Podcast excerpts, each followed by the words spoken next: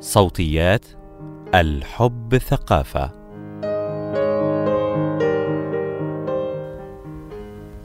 كشفت وزارة الصحة المصرية في ديسمبر 2016 عن وجود 6882 مصريا مصابا بالإيدز بينهم 1239 سيدة هل استطاعت إسراء ورضية أن يتعايشن مع المرض؟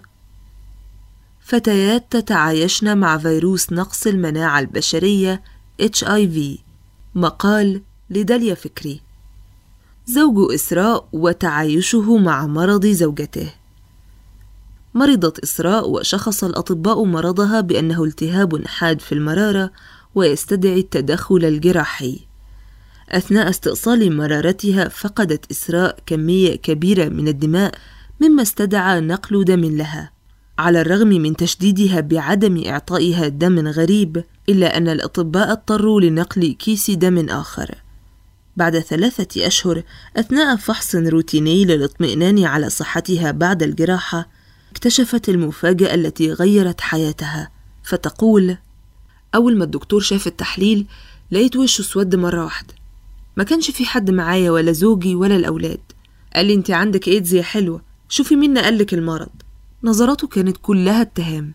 تحكي إسراء عن شعورها. الموت علينا حق لكن الوجع ما كانش في الموت.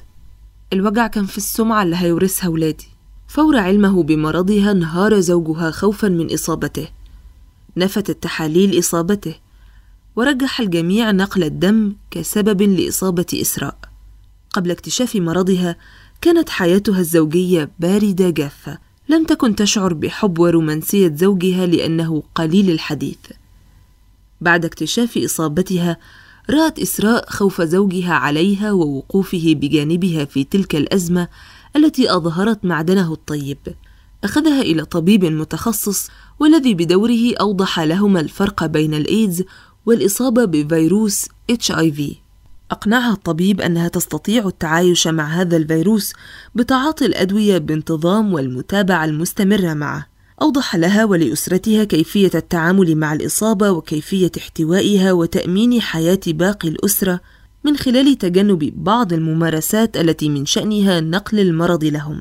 خوفا عليه، امتنعت إسراء عن أي شكل من الحميمية مع زوجها، لكن الطبيب أقنعهما أن العلاقة الجنسية الآمنة ممكنة باستخدام الواقي الذكري.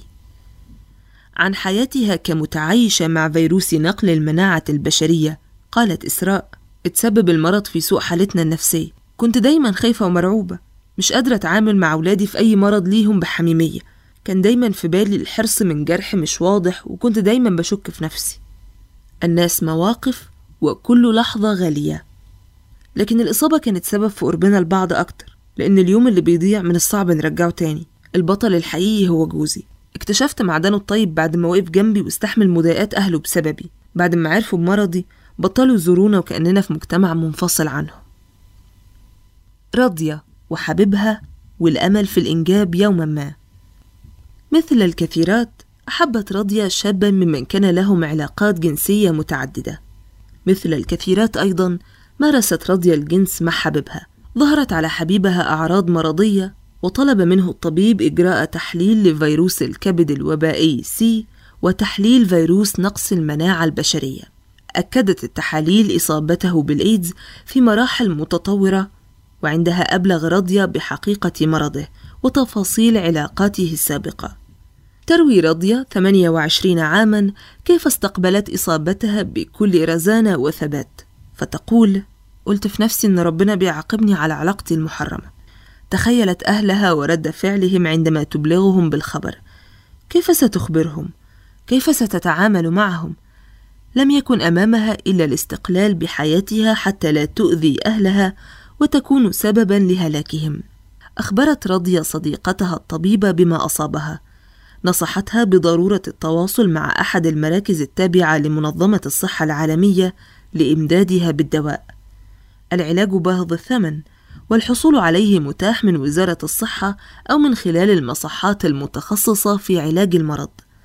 أسماء الأدوية كثيرة ومعقدة. الهدف الأساسي منها هو إبطاء المرض وتقليل ظهور علامات الإعياء عليها.